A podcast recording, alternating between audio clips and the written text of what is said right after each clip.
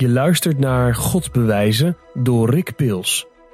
Deze podcast wordt je aangeboden door Geloofsterusting.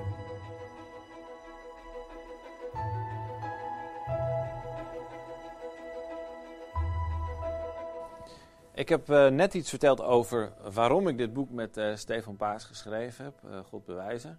En um, nu wil ik iets vertellen over hoofdstuk 1. hoofdstuk 1 van het boek gaat over de vraag: is geloven in God redelijk?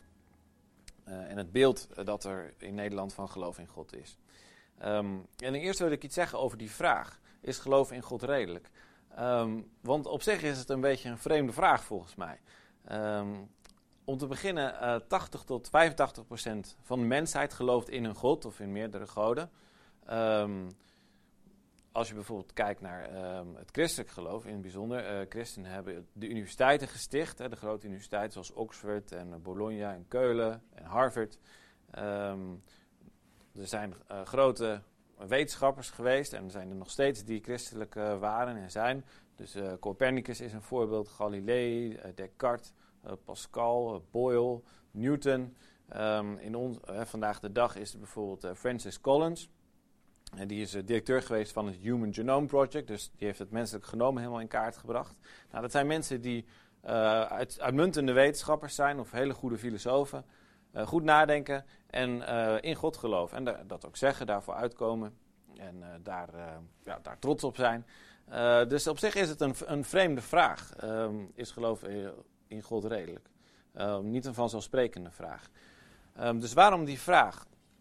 Ik denk dat mensen die vraag stellen in Nederland, um, omdat in Nederland de situatie wat anders is. In ieder geval vandaag de dag. dus ik woon zelf in Amsterdam.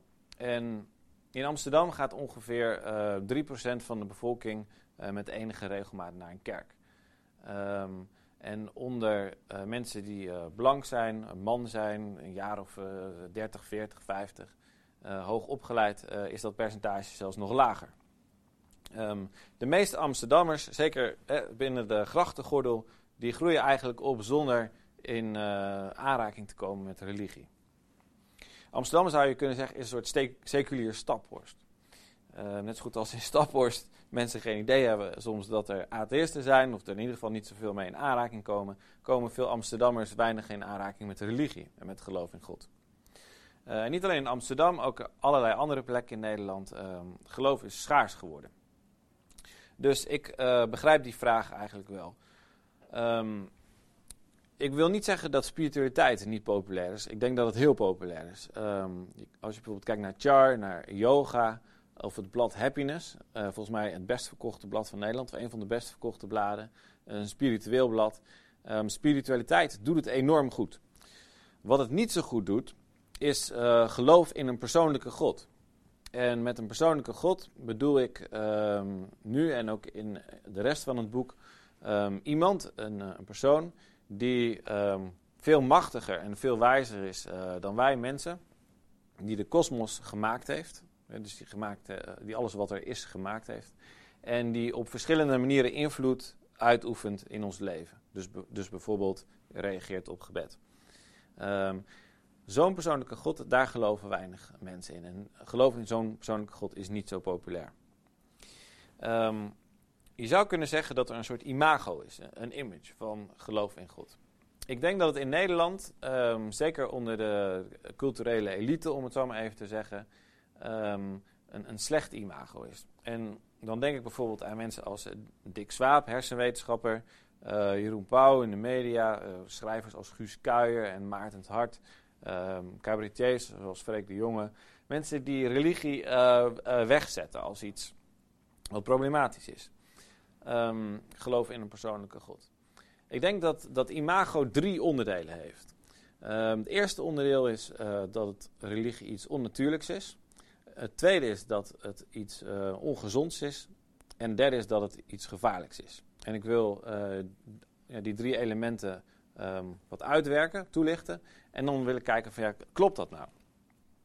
Het eerste is uh, dat religie iets onnatuurlijks is. Dat wil zeggen, um, mensen worden als het ware blanco geboren. Filosoof zou zeggen tabula rasa, een lege tafel. Er is niks op. Je wordt blank geboren, maar dan zijn er ouders en dominees en priesters En die stoppen daar van alles en nog wat in. Ehm, in die, die kleine, weerloze kinderen. Uh, door middel van categorisatie en door middel van onderwijs, uh, donderende preken van de kansel. En zo gaan mensen in uh, God geloven. Hè, geloof in God is het product van indoctrinatie. Het tweede element is dat religie iets ongezonds is. het is slecht voor je. je wordt er depressief van. Um, de verantwoordelijkheid ligt uiteindelijk bij God en niet bij jezelf. Ehm, dus voor jou als mens is het eigenlijk niet iets goeds. Uh, Richard Dawkins, de bekende uh, Britse bioloog en atheïst, die zegt: religie is uh, net als het pokkenvirus, met dit verschil dat het moeilijker uit te roeien is. Nou, van het boek zijn 2 miljoen exemplaren verkocht. en dat heeft zo zijn invloed op hoe mensen naar religie kijken. Ehm, het derde onderdeel is dat religie schadelijk is voor de samenleving. Het is eigenlijk slecht voor ons. De samenleving zou er beter van af zijn als er geen religie was. Um, gelovigen die beroepen zich op de wil van God. Ze laten zich niet uh, inenten. Um, ze gaan enge dingen doen met uh, kinderen en vrouwen. Of, of, ze blazen zich op in een extreem geval. Um, ze komen hier lastigvallen aan de voordeur. het is een soort sociale besmetting. Nou, dit zijn de drie onderdelen. en die zijn ja, samen duidelijk negatief. En dat is het beeld dat veel mensen van religie hebben. Ook omdat het via de media heel vaak wordt uitgedragen. Um, voordat ik erop reageer, uh, wat ik ervan vind, wil ik zeggen dat ik het ergens wel begrijpelijk vind. Uh, dat mensen dit beeld van religie hebben. Um, ten eerste, um, helaas, uh, dit komt allemaal voor, wat ik heb genoemd. inderdaad, er is misbruik van kinderen en sommige mensen worden depressief door een bepaald godsbeeld. en er zijn inderdaad mensen die je lastig vallen op straat met foldertjes of je, je vastklampen. Um, dus het, dus het heeft, er zit een kern van waarheid in, dus ik kan het begrijpen. Um, en tegelijkertijd is het ook zo dat um, religie, als het in het nieuws komt, vaak negatief is. Dus bij wijze van voorbeeld, elke zondag gaan er in Nederland honderdduizenden mensen naar een kerk. Uh, op zaterdag gaan heel veel Joden naar de synagoge toe. Op vrijdag uh, zijn er honderdduizenden of misschien wel een miljoen moslims in Nederland die naar de moskee toe gaan. En die komen daar samen en die hebben een viering. Um, maar dat haalt het nieuws niet, want er is niet zoveel bijzonders aan. Maar als een gelovige een, een, iets afschuwelijks doet, dan haalt dat natuurlijk het nieuws wel. Dus um, op het moment dat religie in het nieuws is, dan is het vaak negatief. En dat kleurt eigenlijk het beeld dat mensen van geloof in God hebben. Dus opnieuw, ik vind het wel begrijpelijk. Maar ik denk dat we de vraag moeten stellen: klopt, klopt dit beeld nou? Is dit nou terecht? Um, en ik denk dat het antwoord moet zijn: uh, nee, dit beeld klopt niet. En er zijn natuurlijk uitzonderingen, maar in het algemeen klopt het niet. Uh, laten we eens even bij langslopen. Het eerste idee was: uh, religie is iets onnatuurlijks. Um, ik denk dat dit achterhaald is. Dus dit is denk ik inmiddels wetenschappelijk weerlegd. er is een groeiend veld van onderzoek. Dat heet de Cognitive Science of Religion dat laat zien dat religie, dus geloof in een God, dat het iets is wat uh, aangeboren is. Of in ieder geval de neiging daarvoor is aangeboren. Um, dus er zijn bijvoorbeeld uh, atheïsten zoals uh, Jesse Baring, gelovigen zoals Justin Barrett, en mensen die agnost zijn, dus die ertussenin zitten, zoals Deborah Keleman, die onderzoek hebben gedaan naar kinderen en uh, wat blijkt, kinderen hebben van nature een neiging om te geloven dat er iemand is die dit allemaal gemaakt heeft. En ze hebben de neiging om te geloven dat uh, er leven is na de dood. En dat de dingen er niet zomaar zijn, maar dat ze een doel hebben. Ik bedoel, het gaat behoorlijk ver. Ik bedoel, leeuwen zijn er niet zomaar. Leeuwen zijn er bijvoorbeeld om in de, in dierentuin in, een kooi gestopt te worden. Dus het is wat, wat, uh, wat extreem. Maar kinderen hebben dat van nature die neiging om in een God te geloven.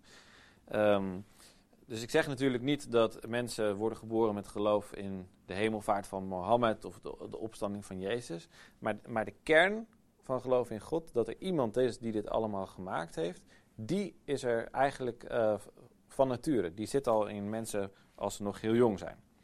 Um, je zou het kunnen vergelijken met uh, bijvoorbeeld muziek of sport. Uh, dat is iets wat wij van nature, van nature kunnen wij dat, hebben wij die mogelijkheid. en als bijvoorbeeld als je een kind de mogelijkheid geeft om te sporten, uh, dan zal dat kind dat op een gegeven moment vanzelf gaan doen. En muziek is iets, um, nou, mensen hebben daar aanleg voor, de een wat meer dan de ander. Um, ik zelf niet zoveel. Uh, maar in ieder geval, in principe kun je het leren uh, gewoon door mee aan de slag te gaan. En dan, de mogelijkheid zit er van nature in. Um, laten we ook even naar het tweede element kijken. Is religie, hè, geloof in een God, is dat nou iets ongezonds? Is dat iets, uh, iets wat slecht voor je is? Nou, ook daar is onderzoek naar gedaan. We kunnen gewoon naar de wetenschap kijken. Um, een bekend onderzoek is dat van uh, Harold Koenig en uh, Cohen. En die hebben een metastudie gedaan. Dus die hebben gekeken naar allerlei verschillende studies. Dus daardoor is het ook nog betrouwbaarder, omdat ze heel veel studies samen nemen. Nou, wat blijkt nou uit het onderzoek? Mensen die religieus zijn, die zijn gemiddeld minder vatbaar voor hart- en vaatziekten. Ze hebben een lagere bloeddruk. ze hebben minder last van depressie. Ze leven gemiddeld langer. Uh, ze gebruiken gemiddeld minder drugs en alcohol dan, dan een gemiddelde persoon in de bevolking. Um, het gebeurt minder vaak dat ze zelfmoord plegen. Um, nou, allerlei dingen die laten zien dat het totaal niet ongezond voor je is om in een God te geloven. Een ander be bekend voorbeeld is de schaal van Laird. Um, die schaal die loopt eigenlijk van 10 tot 100. En het blijkt dat als je religieus bent, je gelooft in een persoonlijke God, dan ga je op die schaal uh, 3,5 uh, punt omhoog. Dan kun je natuurlijk denken, ver, wat, wat is nou 3,5 punt? Dat is niet zoveel. Maar als je bijvoorbeeld werkloos wordt, dan gaan de meeste mensen twee punten omlaag. Dus dan is 3,5 punt behoorlijk veel. Um, dus dit onderzoek suggereert allemaal, uh, religie is niet iets ongezonds, maar juist iets gezonds. Iets waar je eigenlijk uh, vrolijker en gezonder van wordt. Laten we nog even naar het laatste element kijken. Is het schadelijk voor de samenleving? Ook daar is onderzoek naar gedaan. In Nederland heeft bijvoorbeeld Joep de Hart uh, een uitgebreid onderzoek gedaan.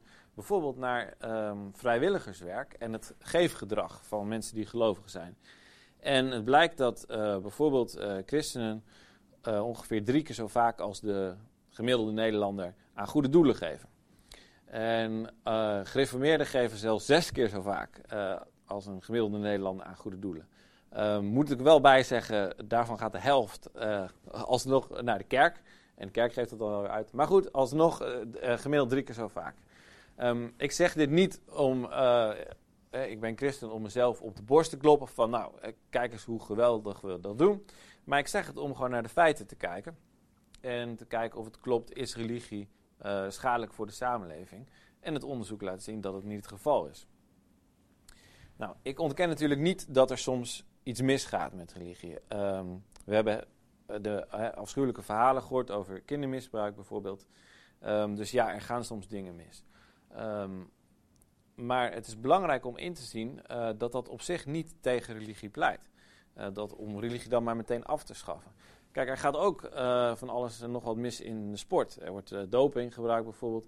Er gaan dingen mis in de wetenschap. Uh, er wordt uh, gefraudeerd. In Nederland hebben we uh, niet zo heel lang geleden het geval Stapel gehad. hij had gefraudeerd. in gezinnen gaat heel veel mis. kinderen die een verschrikkelijke jeugd hebben. Maar niemand zegt, oh laten we het fenomeen gezin dan maar afschaffen. Of laten we sport afschaffen. Of laten we de wetenschap afschaffen. Nou, er gaat wel net zo goed iets mis in religie soms. En wat zeggen veel Nederlanders? Nou, laten we dan maar kappen met religie. weg ermee. Het is schadelijk, het is slecht voor ons. Nou, en uh, ik denk dat het onderzoek laat zien dat de religie in het algemeen goed is voor de samenleving, gezond en natuurlijk. En wat we dan volgens mij moeten doen, um, is net zoals hier op de voorkant van het boek met die boom. Um, een boom moet je snoeien. Um, wil die goed kunnen groeien. En ik denk dat we dat ook met religie moeten doen. Dus we moeten kritisch blijven nadenken. Uh, kritisch naar tradities kijken en naar, naar bijvoorbeeld hoe je gemeenschap bent, hoe je kerk bent of uh, een andere vorm van uh, religieus zijn. Dan moet je kritisch naar kijken en snoeien. Dat is iets anders dan omhakken, um, wat veel mensen suggereren. Dat zou denk ik enorm jammer zijn en daarmee gaat heel veel waardevols verloren. Um, nou, waarom nou dit hele verhaal over het imago van religie in Nederland? Ik vertel dit omdat ik de ervaring heb, uh, en ik denk dat ik dat terugzie in de media, uh, dat, dit, dat dit negatieve imago van religie, wat dus onterecht is, mijn zinziens, dat het eigenlijk een goed gesprek over geloof in God uh, in de weg staat. En ik denk dat als um, Kijk, als jij denkt dat wat de ander gelooft dat het ongezond is en schadelijk en gevaarlijk, ja, dan wordt een goed gesprek wordt heel lastig. Ehm, ik denk dat op het moment dat je gaat denken van, oh, nou, dat is eigenlijk iets wat niet per se onnatuurlijk is, dat is ook niet per se slecht, dat is best wel goed voor de samenleving. Kijk, dan kun je een, kun je een open en normaal gesprek hebben van, van mens tot mens en van hart tot hart. Nou, wat beweegt je? Uh, waarom geloof je en waarom geloof jij niet? Uh, dan kun je een goed gesprek hebben. En die gesprekken heb ik ook gehad met sommige mensen. En die heb ik nog steeds. Um, dus daarom dat, ik dat, uh, dat, dat, wij in het boek dat negatieve imago bekritiseren. eigenlijk dus om ruimte te maken voor een mooi gesprek.